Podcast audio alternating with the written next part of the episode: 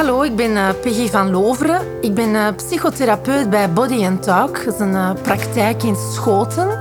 En vandaag wil ik jullie meenemen in de wereld van Insights Discovery.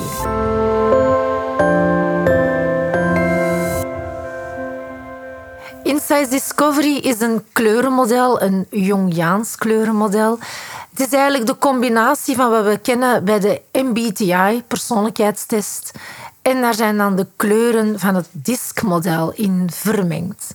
Dus beide modellen kan je terugvinden in het toch wel, wat ik vind, een zeer sterk model, Insights Discovery.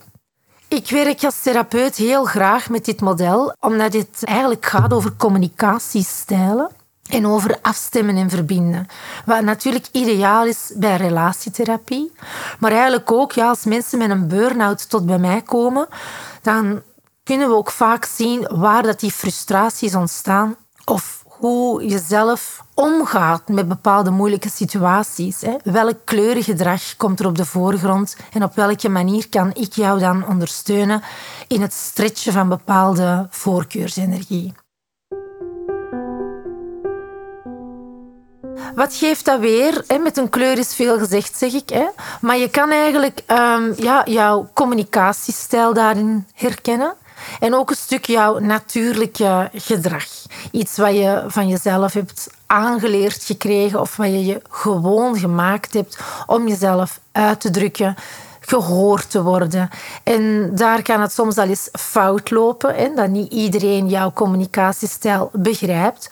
Of je hebt zelf misschien problemen met communiceren met bepaalde mensen en je wil daar misschien wat meer verdieping in, dan kan Insight Discovery jou daar zeker um, een inzicht in brengen.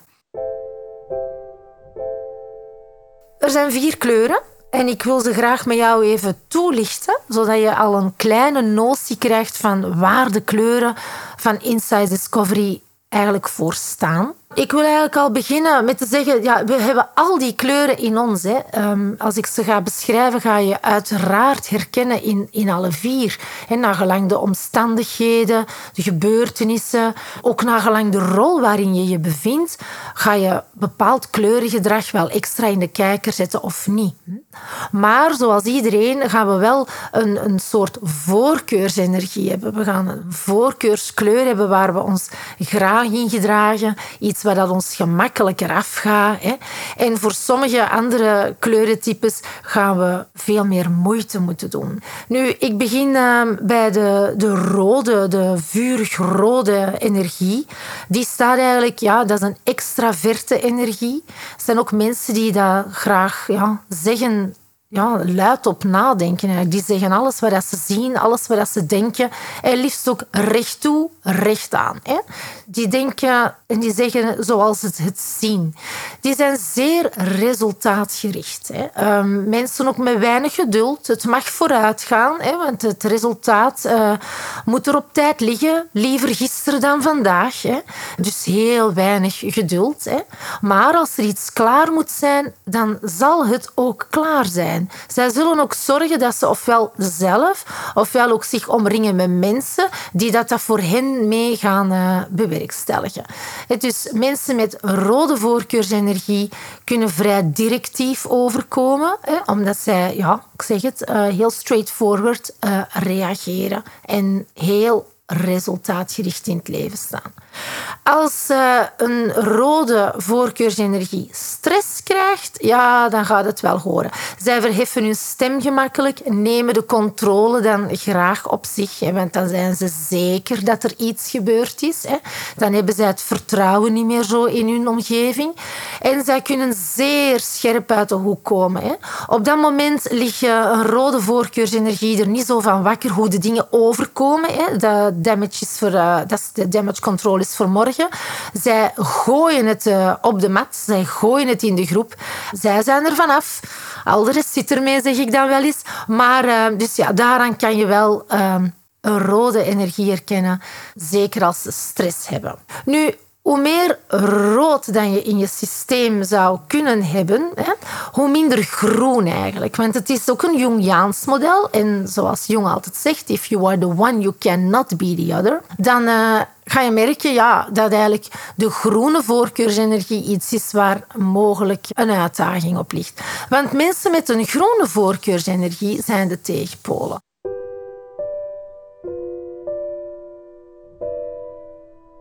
Zij zijn, om te beginnen, introvert denkend. Hè. Zij merken uiteraard ook op wat iemand anders opmerkt, maar zij zullen dat meer in stilte verwerken, want zij zijn in eerste instantie in eerste instantie zeg ik, hè, zijn zij mensgericht. Hè. Zij gaan eerder denken en nadenken. Hoe ga ik iets zeggen? Ja, want ik wil niemand niet kwetsen. Hè. Wat ga ik zeggen? Ga ik het wel zeggen? Nee, ik zwijg. Hm? En dat wil dus helemaal niet zeggen, mensen, dat zij daar niet mee bezig zijn of dat ze zich ook niet ergeren aan dingen. Zij kiezen er alleen soms ook voor om het, om het dat gewoon niet te benoemen. Zij vinden dat ook niet altijd nodig. Een introvert denkproces heeft ook soms tijd nodig, letterlijk, om te processen van wow, wow, wacht even. Hè. Wat zeggen ze juist tegen mij? Wat vind ik daar nu echt van? Moet ik daarop reageren?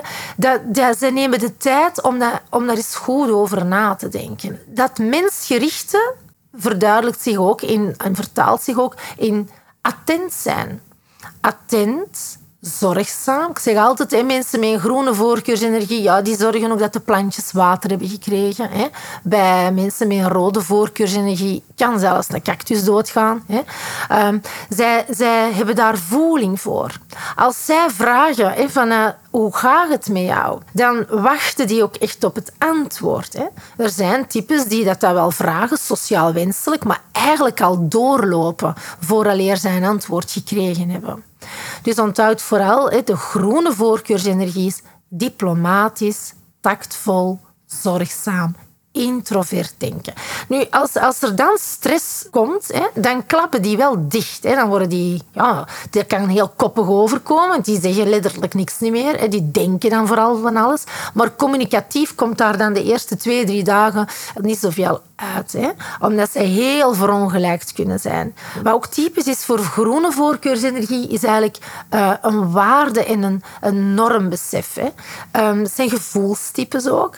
Mensen die graag tot in de diepte, meer diepgang hebben met mensen. Wij kunnen onze vrienden op één hand tellen, hè, want daar waar we mee overeenkomen, ja, die, die, die vinden blijkbaar ook wat ik vind. Hè. Die delen eigenlijk uh, dezelfde waarden en normen.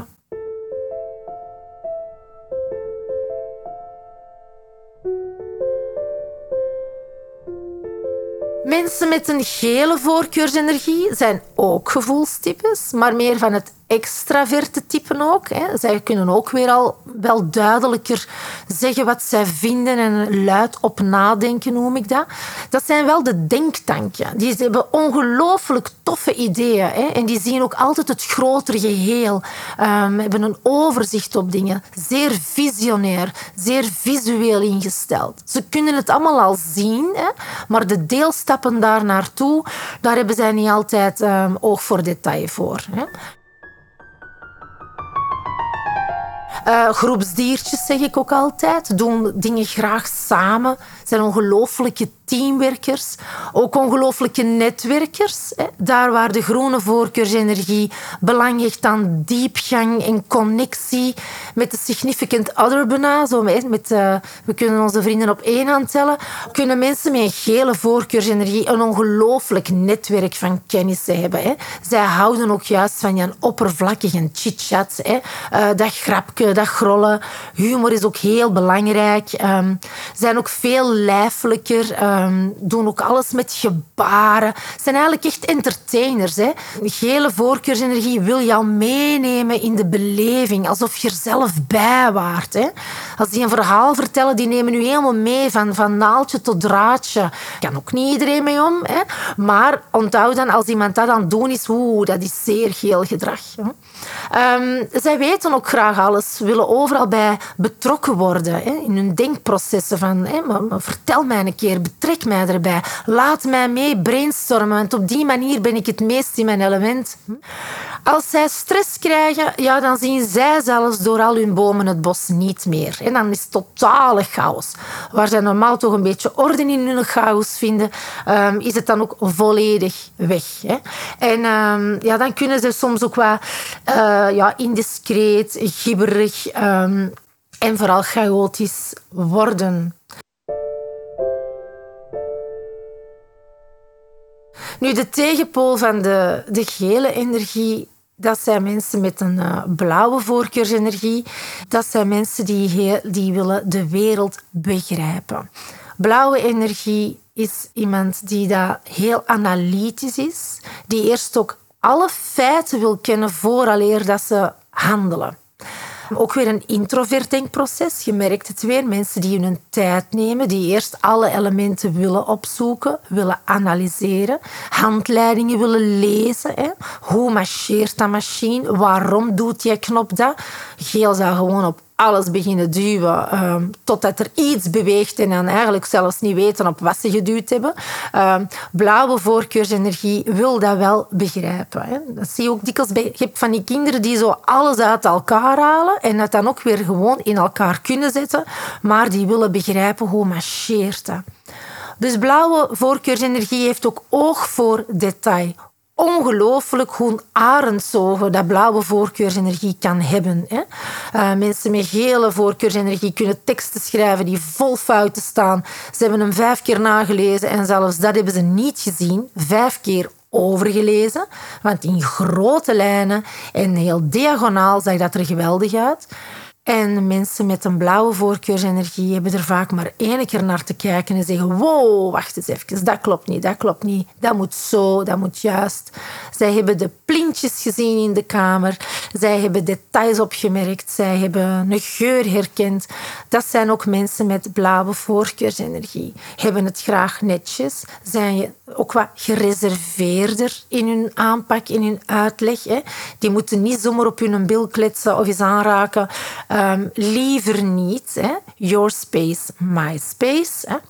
En als zij stress krijgen, ja, dan kunnen ze echt wel gaan ja, doordrammen tot op de 0,000, Juist is dan juist. Dan worden ze heel Piet, Piet. Um, en dat kan natuurlijk bepaalde processen blokkeren. Hè. Want vooraleer zij dat detail niet onder ogen hebben, gebeurt er ook niks meer. Hm?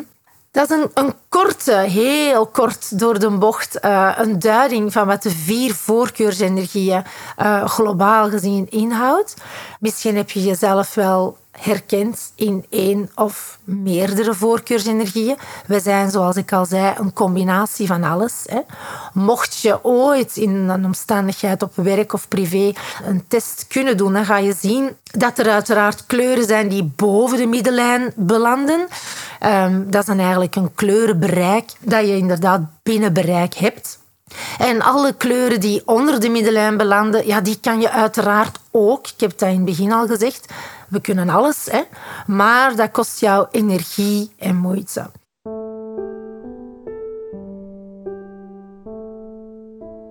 Het lijkt mij vanzelfsprekend, hè, bijvoorbeeld als je een IT'er bent en je, je moet heel de dag programmeren achter een scherm, dat je dan uh, ja, heel veel gebruik kan maken van de blauwe voorkeursenergie. Je gaat dat goed moeten doen, je gaat dat moeten kunnen analyseren.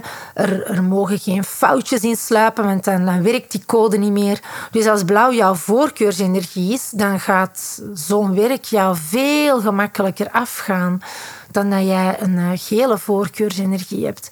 Want dan zou het wel eens kunnen dat je over dezelfde deeltaak veel langer moet doen uh, met de beste wil. Ja? Dus eigenlijk inzicht krijgen in je eigen kleurenprofiel kan een meerwaarde zijn om ook te zorgen dat je op de goede stoel belandt, werkgerelateerd. Maar dat je eigenlijk ook begrijpt waarom dat sommige mensen jou minder liggen of waarom dat sommige dingen jou nu eenmaal vaker overkomen dan andere. Hè? Want we gaan ons achter een kleur een stukje kunnen verschuilen van goh, ik, ik ben zo. Hè? Maar we gaan tegelijkertijd ook kunnen trainen om ons beter af te stemmen op de ander, om op die manier tot een betere verbinding te komen.